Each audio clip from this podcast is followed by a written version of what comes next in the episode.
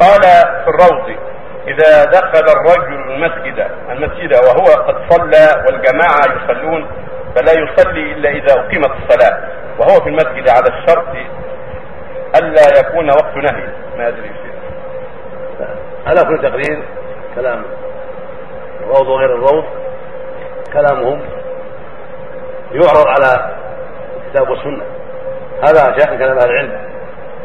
على كتاب الله وسنة الرسول عليه الصلاة والسلام ثم وافقهما قبل. والسنة دلت على أن إذا جاء المسجد والناس يصلون يصلي معه. سواء كان وقت نهي أو ما هو وقت نهي. النبي عليه الصلاة والسلام قال لأبي ذر إن أدركتها معه وصلي فإنها لك نافلة. ولا تقول صليت فلا أصلي. عن السنة. وثبت في الحديث الصحيح أن شخصين جاء والنبي يصلي في منى عليه الصلاة والسلام. فلما صلى قيل له إنهما لم يدخلا معه فدعا بهما فجيء بهما ترعد فرائصهما فقال لهما ما نعم ما منعكما أن تصليا معنا؟ قال قد صلينا في رحالنا.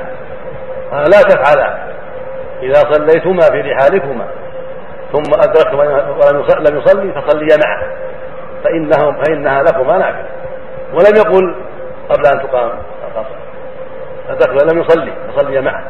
فدل ذلك على أن من جاء المسجد ووجدهم يصلون ولو لم يحضر الإقامة فإنه يصلي معه.